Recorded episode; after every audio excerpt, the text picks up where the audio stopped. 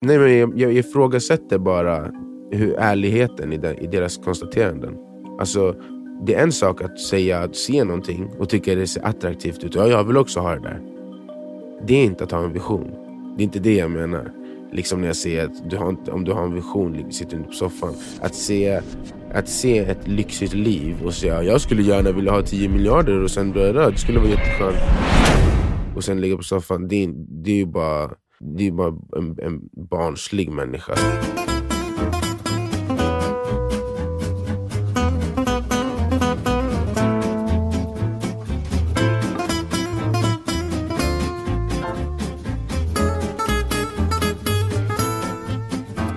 Marvin, har du några fiender?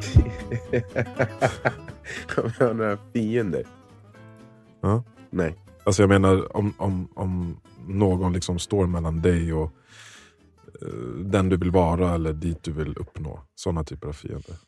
Nå, någon som inte vill att du ska komma framåt i ditt liv. Ehm, jag själv i sådana fall. Ja, exakt. Alltså om du ser dig, ditt liv som en berättelse, en film som vi har sagt förut. Mm. Så är du protagonist. Exakt. Så vem är antagonist? Det är också jag. Det är också du själv. Det är the evil Marvin. Mm. Jo, för man hör ju ibland det där.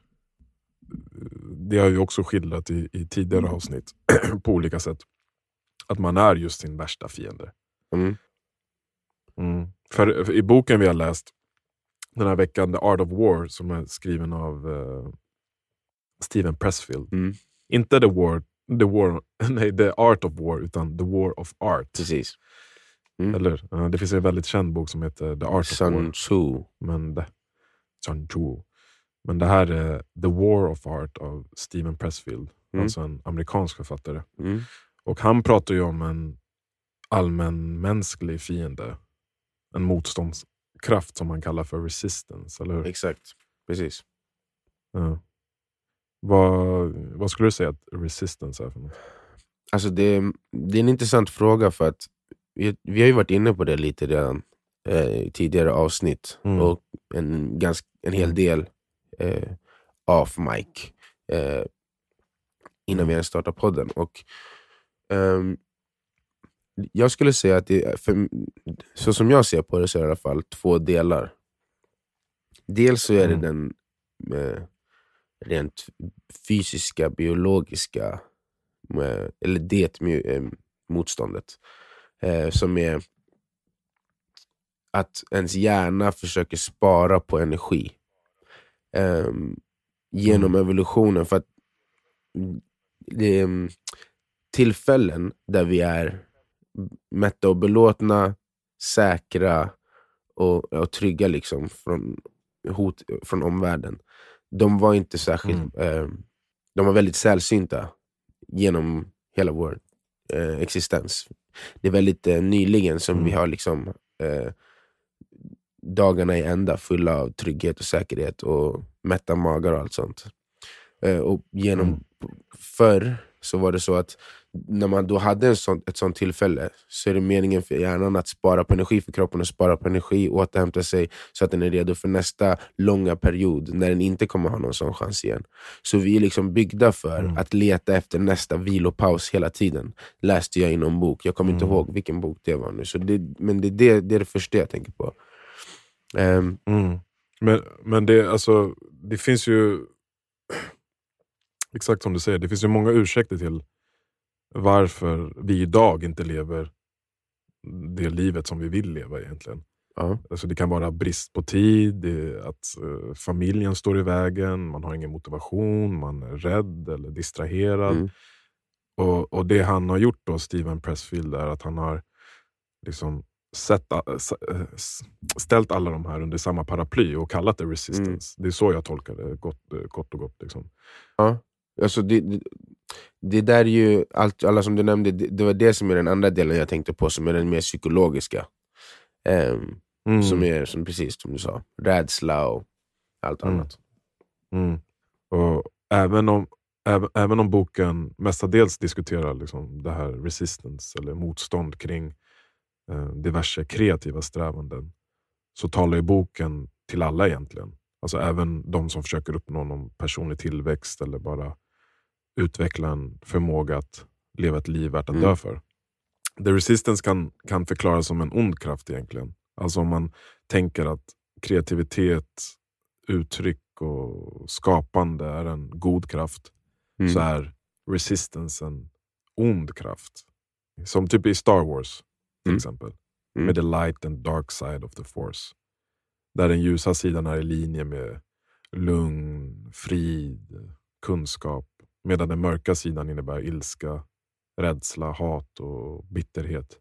Mhm. Och, och, och Det är ett ständigt krig mellan de här två krafterna. För att bestämma vilken kraft som ska liksom, genomsyra och sty- styra världen. Exakt. För även fast boken inte bara riktar sig till konstnärer så är det ju liksom ett ev- evigt krig mellan sanning och lögn, mellan frihet och förtryck och ja, kreativitet, kreativitet och motstånd. Ja men Att alltså få- det är väl en eh, det är väl en kreativ handling att leva överlag. Alltså om inte du Mm. är en helt passiv deltagare i ditt eget liv så måste du ju vara Mm. kreativ. Du måste bestämma vem, du gör ju val eh, hela tiden varje dag. Varje val är ju kreativt. Alltså, och det, Nej, jag kanske försöker vara övertydlig men jag känner ibland att när man säger kreativitet så tänker folk eh, på konstnärer oftast. Nej jag tycker inte att det är övertydligt. Jag tror verkligen att det är det de flesta skulle tänkt nu när de lyssnar också. Jag håller med. Ja. Det måste Ja. förtydligas. Ja. Men, men ett sätt då som den här resistance, och jag fortsätter kalla det resistance, man kan säga motstånd men det känns mer som, som fenomenet om jag säger the resistance. Mhm. Eh, eh, det kan manifestera sig på olika sätt och ett sätt är ju någonting som vi alla är, är bekanta med i olika grader och det är ju prokrastinering. Mm. Eh, det finns, jag läste att det fanns en studie, eller det finns en studie som visar på att de flesta människor bara är produktiva i ungefär två och, en, två och en halv timme, eller för att vara exakt, två timmar och 23 minuter under en normal åtta timmars arbetsdag.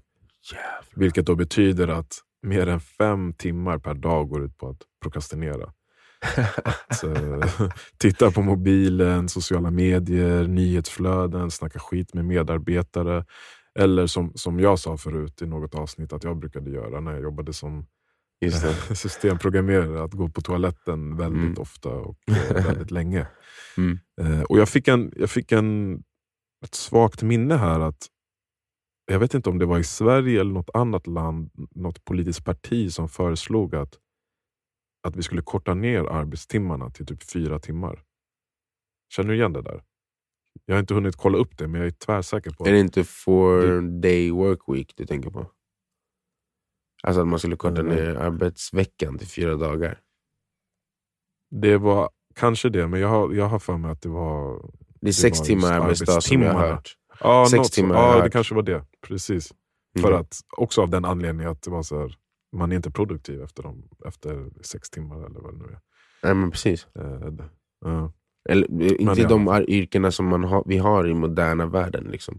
Om det var att man skulle stå på ett fält, då, då kan du säkert vara produktiv i åtta timmar. Det spelar ingen roll att det liksom är en diminishing returns på Mm. din produktivitet. Men i, Mm. i de här yrkena vi har idag så ja, jag håller helt med. Nej, det, var bara, ja, det var bara ett minne som, jag, som väcktes när jag, när jag läste det. Men alltså, pro, pro, prokrastinering är ju ofta, i alla fall för mig har det varit det förut, så direkt kopplat till produktivitet när det kommer till arbete. Mm. Men, men, men jag känner att det, det handlar ju inte bara om det. Det, det är ju också väldigt påtagligt liksom, i relationer när det kommer till kommunikation och sådär. Verkligen. Alltså att man skjuter upp eh, att säga något, till, eh, säga något man vill ha sagt till sin partner till exempel, eller sin Mm. vän. mm. Att man inte gör det där telefonsamtalet till en person som man vet man borde ringa för att man inte Mm. ringt på länge. Mm. Eh, eller postar det där brevet eller ja, vad det nu kan vara. Och En sak som är intressant med, med just att prokrastinera är ju att det är direkt kopplat till tid. Det vi pratade det. om för, förra avsnittet var det va? Exakt. Power of now. Aha. Ja, det går Ja. fort nu. Ja, verkligen. Mm. Men, men i alla fall att man, att man är fast i, i illusionen att det finns något annat än nuet. Mm.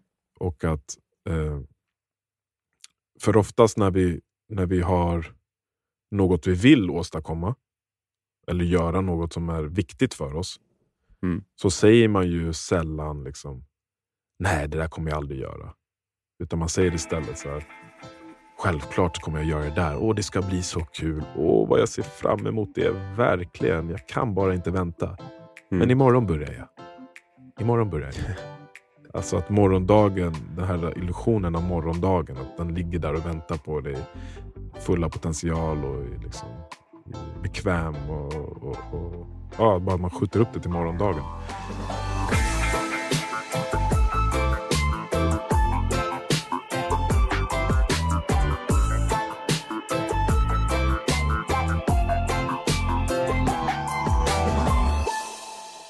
Min pappa brukade säga när, jag var yngre att så här, han bara, ah, i Sverige de, de är så jävla smarta. De har gjort det precis så bekvämt att ingen kommer ifrågasätta någonting. Ingen kommer klaga på någonting. De kommer bara leva så, sina Svensson-liv och inte göra någonting annat. något, något sånt. Ja, ja exakt. det, var hans, det var hans perspektiv som kom från liksom, en- där, där alla behöver kämpa för liksom, minsta lilla bekvämlighet. Men det är exakt det jag tänker. Jag tänker att prokrastinering är i för, första hand liksom ett ilandsproblem. Att människor som växer upp i fattigdom har inte råd att skjuta upp saker på samma sätt. Liksom att, eh, att arbeta hårt är ofta deras en, enda alternativ. Eh, och, och ibland också, även fast det inte ens garanterar liksom, mat på frukostbordet. Eh. Jag skulle, jag skulle säga, min upplevelse är att lite av det finns, alltså, men inte när det kommer till att eh, få mat på bordet, tak över huvudet, sådana saker som leder till det. Men där, den här som, grejen som man nu är inne på i boken om rädsla. Um, att man kanske skjuter upp någonting som verkar för stort eller för, för läskigt. Det kan jag ändå tycka att jag har sett en hel del även där. Ja, men nu tänker jag på de som faktiskt behöver tänka på i första hand liksom, basisen av överlevnad. Mm. Att hela Mm. familjen ska ha mat. Då, då, Mm. har, då, då har man ju inte eh, råd att prokrastinera helt enkelt. Alltså jag menar bara, det, för mig, så här, ja, jag, som sagt, vi är väldigt vi har väldigt tur som är födda här och med hela livssituationen och så vidare. Men om jag har en uppgift till exempel, det händer mig fortfarande, så har jag en tendens att skjuta upp den till ja, veckan innan deadline eller några dagar innan deadline. Och sen då så får jag liksom all energi och kraft att, att fokusera och göra den uppgiften och också göra den bra. Men varför gjorde jag inte den långt innan och, och bar på den här äh, tyngden av att uppgiften måste göras till sista sekund? Det där tror jag är för att det just inte är eh, tak över huvudet, mat på bordet, Mm. lika direkt. Alltså, det, Det kommer ta ett tag, ett par, ett par dåliga uppgifter, ett par liksom, veckor åtminstone, månader, whatever, av dåliga prestationer innan man förlorar sin, sin inkomst och tak över huvudet och massa saker. Så att medans det, det är en kortare tidsmarginal till att det händer i länder där, eller i samhällen där man har det sämre ställt. Mm. Ja, men det är precis jag menar, för att eh, det är ju, det är ju relativt. Alltså för mig blir ju överlevnad eller det jag vill göra i livet, eh, till exempel att skriva en bok. Så här, Mm. jag, jag har, jag, har, eh, första, jag har skickat första utkastet till förlaget. Eh, de har gett mig, eller till exempel, det här, det här har ju eh, jag känt nu ett tag. Jag håller på att skriva en, en, eh, en eh, vad heter det? självbiografi åt en kille en Mm. man. Och eh, Det har varit ett projekt som har varit ganska trögt. Eh, Mhm. För att jag inte riktigt hittat liksom, hur jag vill skriva det och rösten i berättandet. Mm. Och Det har gjort att jag, jag, har- jag har utsatta dagar där jag ska jobba med det här projektet. Men det ändå, jag har ändå prokrastinerat. Liksom, för, att Mm. jag inte, för att det har varit svårt och, och jobbigt. Mm. Och Hade det handlat om så här, skriver du inte den här boken så kommer du inte få mat på bordet. Ja, men då hade ju skrivit den på direkt. Exakt. Då hade jag suttit och skrivit. Så det är, ju, Ja, det, det är det jag får komma fram till. Och Det finns ett eh, kinesiskt ordspråk som jag tyckte var bra till det här. Som lyder One must burn one's boat and cut off all the means of retreat in order to fight with all their fury. Put their back against the river and your army will fight a thousand times harder. Just det där med Mm. att put the back against the river. Nej, men jag får en bild av att det, det liksom är två delar här. Där det som är den delen av ens liv där man överhuvudtaget eh, där någon överhuvudtaget procrastinate, eh, så är det i, i eh, det själsliga, den själsliga resan. Mm. Man kan ju göra det även i, i den fysiska världen. Typ vara sen med deklarationen, liksom göra det i sista stund eller whatever. Men det är inte på liv och död. Alltså det, det, det, sådana där saker tar för lång tid innan det slår på, tillbaka för att det ska kännas som det. Så det där är liksom mer i det här, den världen vi har byggt upp i våra huvuden som är en värld av idéer och liksom ens ego. Men den, är ju ändå, den påverkar oss Absolut. otroligt. Men, alltså. men jag tror att där är vi inte lika... Eh, vi svarar inte lika enkelt med hela kroppen. Alltså typ, du vet, när man känner sig i fysisk fara, då händer ju mm. processer i kroppen som sätter igång massa hormonkaskader liksom, kaskader som får dig att bara bli i ett helt annat tillstånd. Det är därför som många mm. säger att om du vill bli om du känner dig så mentalt att du inte kan få dig själv att göra någonting, börja fysiskt. Gör någonting som, mm. som, som kommer göra så att du utsöndrar de där grejerna. Och, Eh, det känns som att den, den, delen av vår, vår tillvaro och vårt liv, när man jagar saker som, kommer, alltså som känns eh, akuta för ens överlevnad, då kickar det där igång. Och kanske är konsten att försöka få det att kicka igång mm, även när det kommer till den kreativare delen av ens liv som handlar om uppfyllelse och som handlar om eh, menar, att hitta någon slags frid och lycka. Mm. Och Även om du kanske är universums mest disciplinerande person. och jag känner inte dig som en som prokrastinerar i första hand. Eh, så framgår det också i boken att the resistance, motståndet aldrig försvinner. Alltså det här kriget upphör aldrig. Mm. Mm. Den, den mörka kraften kommer alltid att finnas där och, och försöka rubba dig. Verkligen. Även om du lyckas liksom vinna gång på gång, dag efter dag, så, så, så ger den aldrig upp. Det där, det där känner och, jag igen, alltså för att det stör mig. Alltså när, när folk säger det är så enkelt för dig, man bara no it's not. Uh, uh, det, det, är lika hårt, alltså lika svårt, och det är lika svårt den, um, tionde tus, den tiotusende dagen som det var den tionde dagen. Eh, mm. Det är bara det att man vant sig vid, vid, vid att det är jobbigt, inte att det blir mindre jobbigt. Alltså, ibland det är nästan disrespectful, tycker jag. När folk säger så, det är enkelt exactly. för dig. Nej, nej. You're not appreciating uh. vad människan som du säger det till har lagt in för att göra det den gör. Det är inte enkelt för någon. Uh. Nej. nej, men det är sanningen. Jag, jag, känner, jag känner samma, jag har hört samma och känner samma. Men jag har i alla fall jag har hittat eh, fem olika typer av eh, prokrastinerare. alltså arketyper. Okay. och, och, jag tänkte att, att jag skulle redogöra för dem eh, så vi kan se vilken av dem som vi, vi, vi du och jag kan identifiera oss med. Ja. Och, och, De som lyssnar kommer förmodligen också känna igen sig i någon av dem. Och Vi kanske också kan se om vi hittar liksom, ett sätt för att eh, undvika att prokrastinera för varje arketyp. Okay. Uh, så vi, let us try it. Låt oss.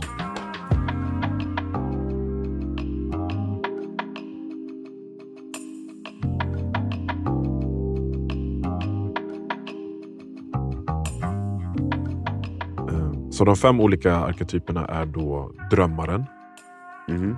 uh, soffpotatisen, den produktiva prokrastineraren, Eh, perfektionisten och kunskapsmissbrukaren. Mm. Eh, och Vi börjar med drömmaren. då. Och den största, Det största problemet för drömmaren är att de älskar att sätta upp mål. De älskar att fantisera om de målen de har satt upp. Mm. Vilket är ju väldigt bra. Vi har ju pratat om att visualisera och skriva journal och allt det här. Mm. Men när det är dags att liksom get shit done så finns det för mycket mentalt motstånd hos drömmaren. Mm. Vilket gör att de prokrastinerar och skjuter upp allt. Ofta så ser liksom, eller så romantiserar drömmaren sig själv som en hjälte i sitt eget sinne. Och fantiserar om hur framgångsrik framtiden kommer att se ut. Mm. Så att man lever inte nuet, utan man lever i, i, i framtiden och bilden av, av sina, att man har uppnått sina drömmar. Eh, och eh, Det gör också att den här drömmaren känner inte att så här, det finns ingen anledning att krångla med allt det där för att uppnå sina mål. För att praktiskt taget så får jag ju samma må bra-hormoner utsöndrade i kroppen bara av att fantisera om dem och, och liksom Mm. visualisera. Mm. Känner du igen dig i den här typen av prokrastinerare? Ehm, alltså, på ett sätt ja, men på ett sätt absolut inte. Jag, jag kan också tycka om att sätta mål och leva i den bilden. Eh, det tycker jag är väldigt kul. Eh, ända sedan jag var 12 och spelade basket så, och för första gången liksom såg någon som var kanske 17 och bara så där bra ska jag vara. Då, då, då, sen dess har jag varit kär i den processen. Men mm, det leder inte till att jag skjuter upp det jag behöver göra. Men hur, hur ska, om, man är en sån här person då, som, som år efter år gör nyårslöften och tänker så här, i året ska, ska året bli där jag blir fit eller jag ska bli eh, framgångsrik det här, jag ska lära mig spela gitarr, jag ska få det här jobbet. Vad som helst. här. Hur ska de göra för att sluta? Alltså en, en, en praktisk, eh, ett praktiskt eh, förslag eller tips. Vad tror du? Alltså, om jag utgår från mig själv bara. Så Ja de gångerna som jag kan vara fast i en bild men inte göra någonting. Inte för att jag känner att det hänt jättemycket men om jag ska försöka sätta mig i den sitsen så skulle det kunna hända i sådana fall när, när jag inte påminner mig om, om vad, vad situation, livssituationen jag vill ha ser ut som tillräckligt ofta. Alltså för, så som jag gör själv, det är att jag har en bild av eh, en ideal version av mig själv. Eh, inte bara så i det yttre, i, i livet här, och karriär eller relationer, utan min karaktär och um, ja, men egentligen allting som jag är. Och den läser jag mer eller mindre varje dag. Eh, varje morgon. För, Men det här är ju inte ett problem för drömmaren. Alltså att ha målen och bilderna är Men det är det jag undrar, för att- problemet. Det, det är det jag menar, att, att ha må- målbilden, det är en sak. Men att påminna sig om den, det är en annan sak. För att för mig, Det, det, vänta, vänta, Ja. för att för mig, jag säger påminna sig själv om den och gå runt och tänka, det är en sak. Men att när man läser den, för det som händer är att du, det, kommer, det uppstår en friktion. Om när du läser den där och sen kollar upp och så ser det inte ut så där. Det jag tror den här personen som du bes- beskriver gör är, det är att den lever i sitt eget huvud. Inte, men att sätta papper på penna eh, och, och, sen och skriva ner någonting som man sen läser, det är en mer manifesterande hand, eh, eh, handling än att bara låta det vara uppe i ens huvud. Så det, det är det enda jag kan se, för att mer än det, jag kan inte se hur man kan ha så stora ambitioner och drömmar eller någonting som är så lockande som den här drömmen då ska ha påminna sig själv om det hela tiden och ändå inte göra någonting. För då för mig, då är det insanity. Då är det inte drömmare längre.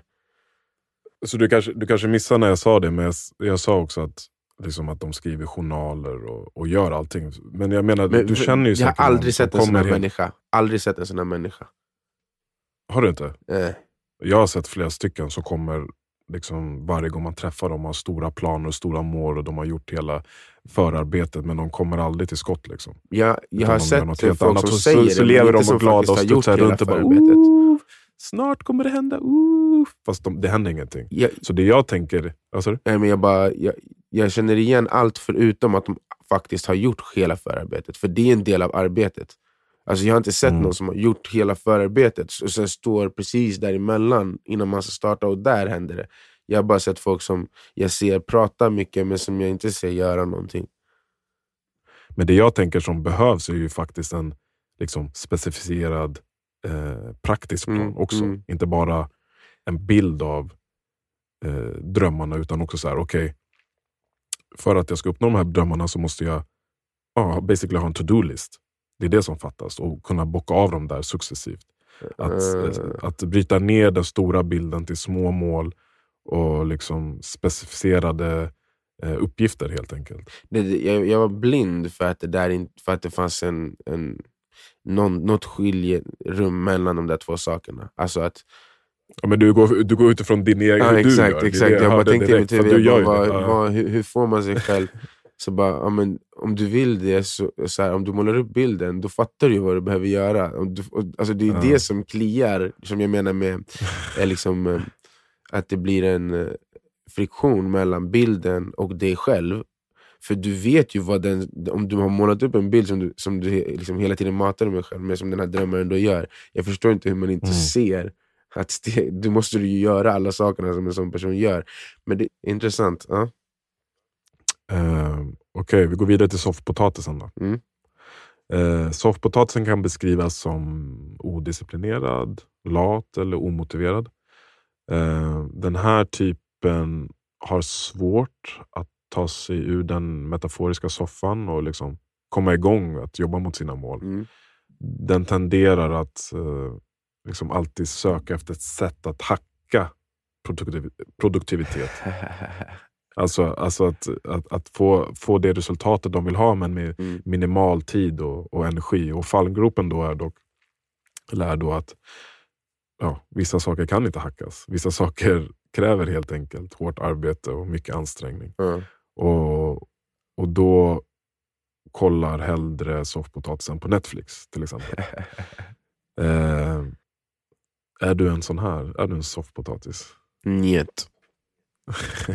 Njetski. Njet. Nej, det är det verkligen Jag började inte tänka efter det. Mm. Du måste fråga mig också om jag är de här. För vi ska inte bara undersöka dig. Så, förlåt, det är klart. Eh, ja, men är du någon av de två första? Um, drömmaren... Alltså jag kan typ vara en, medve alltså en medveten drömmare. Typ om jag, om jag är i, ett, eh, i en grop i en period i livet där, där jag känner mig lite lågmäld och sånt här. Mm. Då kan jag medvetet sätta upp ganska storskaliga mål som jag vet att okay, de här målen kanske inte är jätteviktiga att jag uppnår på riktigt. Mm. Men det ger mig ändå den här boosten av att komma igång med någonting. Mm. Förstår du vad jag menar? Ja, men då, basically som jag, att man gillar den där grejen och det kan ge någonting men det gör inte så att man stannar där. Jag fastnar inte där. Nej. Nej, det är inte det anledningen att jag prokrastinerar. Liksom. Och soffpotatisen... Um, nej, inte i stor skala faktiskt. Kanske lite med att hacka produktivitet ibland i vissa områden.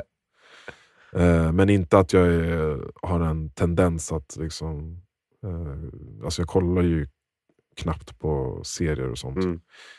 Eh, inte för att jag inte tycker om det, men för att jag känner att, att jag har eh, inte tid och, och vill, att jag vill göra andra saker med min tid. Mm. Så att nej, faktiskt inte. Men, men för någon som är soffpotatis då, hur kan vi hjälpa dem att sluta prokrastinera? Mm. Jag har en idé här som jag kan planera, plantera. ja. Och det är från eh, ett av våra avsnitt, liksom det här med morgonrutin.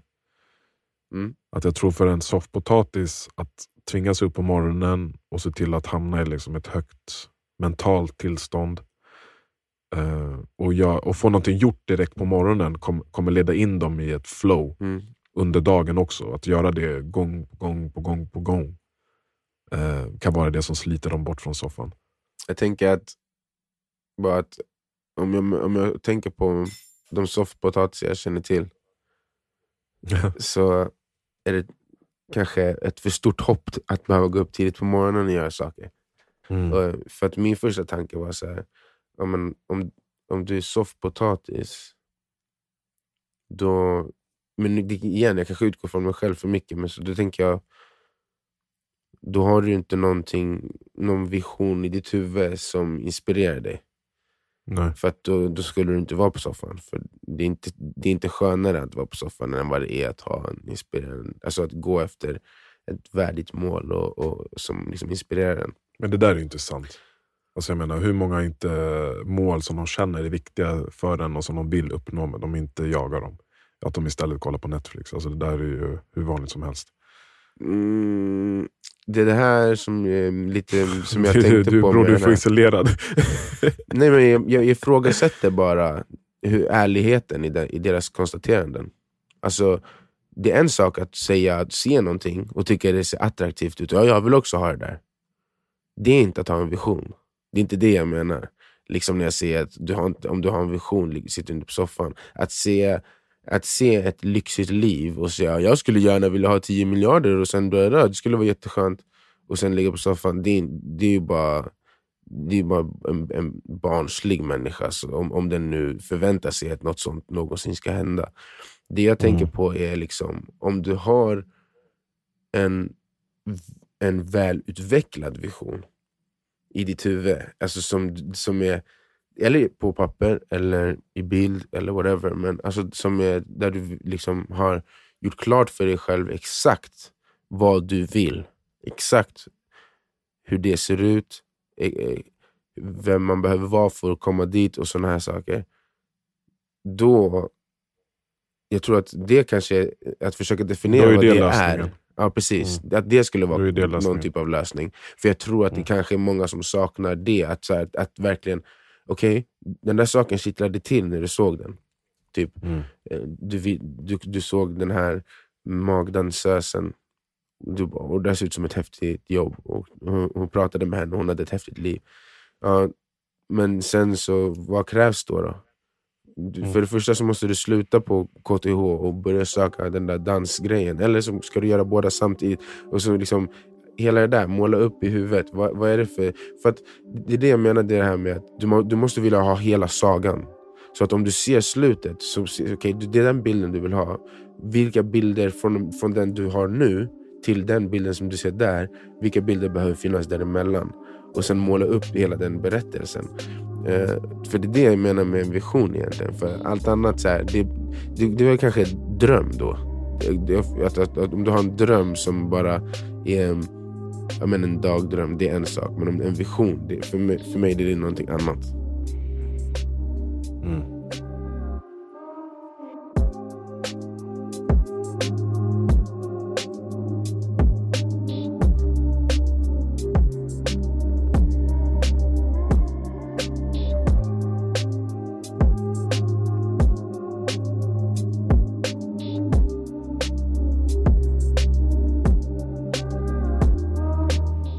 Okej, nästa då. Ja. Eh, Då, då är det den produktiva prokrastineraren. Mm. Och här kanske någon av oss känner igen oss mer, skulle jag tro. Mhm. Så, så, så medan dröm, drömmaren är vilsen i att fantisera om framgång och soffpotatisen tittar på Netflix så är den produktiva prokrastineraren eh, upptagen med att vara för upptagen helt enkelt. Alltså de är så upptagna att de har tappat koll på vad som, är, vad som verkligen är viktigt. Eh, och vad det är som kommer göra att de går framåt i sin utveckling eh, istället för att springa runt i cirklar. Problemet med en produktiv prokrastinerare är att de känner sig otroligt produktiva. Så den här formen är ju ganska lömsk på det sättet. Mm. För, för samtidigt som man har liksom långa to-do-lists och också bockar av många av de här sakerna så missar man det som, är, eh, som betyder mest. Eh, alltså att, att vara upptagen är inte samma sak som att vara produktiv. Mm. Att göra saker är inte detsamma som att göra menings, meningsfulla saker och det betyder inte automatiskt att du, att du gör framsteg mot dina mål Mm. eller mot den personen du vill vara eller bli. Um, känner du igen dig i den här? Den produktiva prokrastineraren? Alltså, möjligtvis lite grann. Men jag skulle säga att i mitt fall, när jag försöker se mig själv från den där vinkeln, så det jag sysslar med... För det första så brukar jag göra, eh, innan varje år, så går jag igenom vad jag har gjort och hur vad jag vill göra annorlunda och om det har tagit mig mot dit, dit jag vill eller inte, ifall någonting ska justeras. Så Mm. i sådana fall, så om jag gör det så är det inom ett års intervall och inte längre än så. För att Mm. då, om, till exempel, jag jobbar med musik. Jag vill utvecklas inom musik. Så jag gör många olika saker för att bli bättre musiker.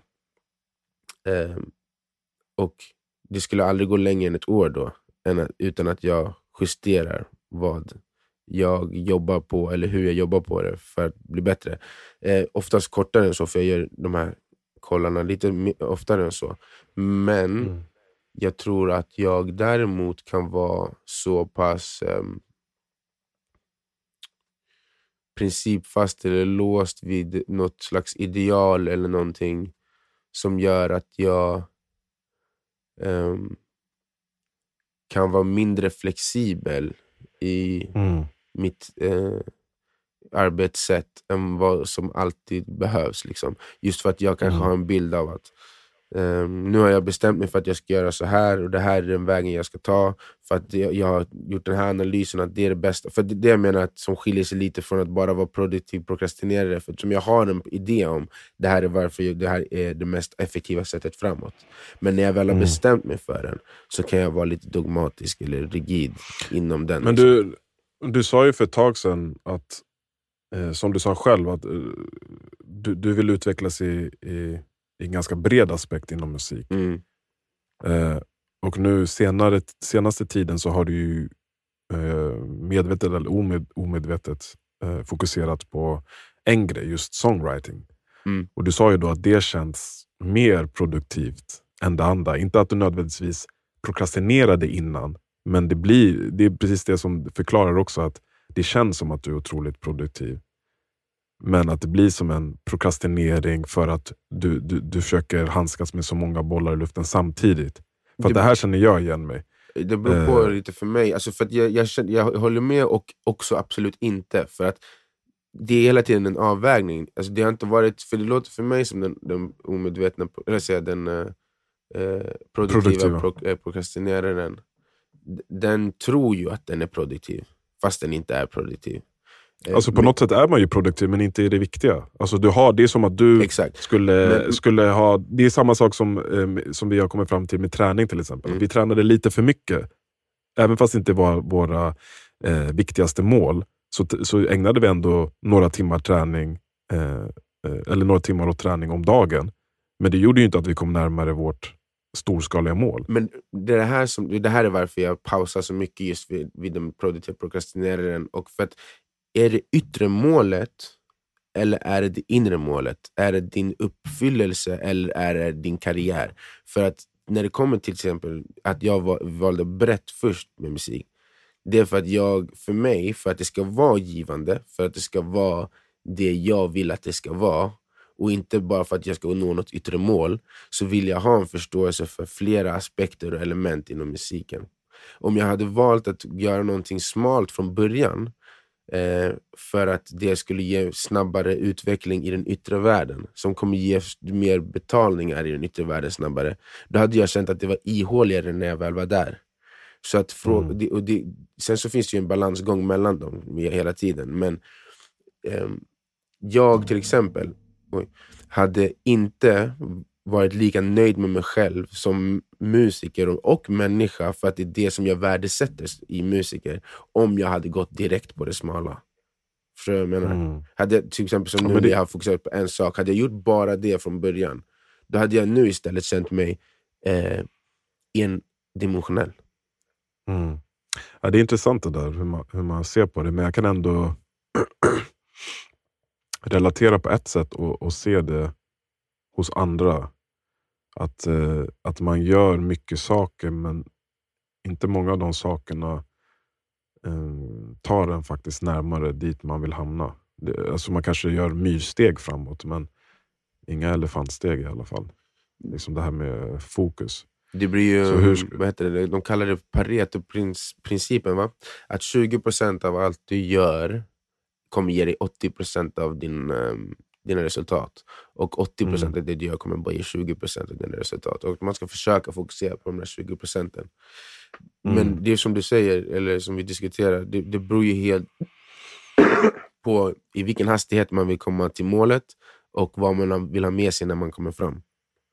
Mm. Delvis. Men, Men men, det- ja, det kanske är Mm. rationaliserande på prokrastinering det där som jag gör nu. Mm.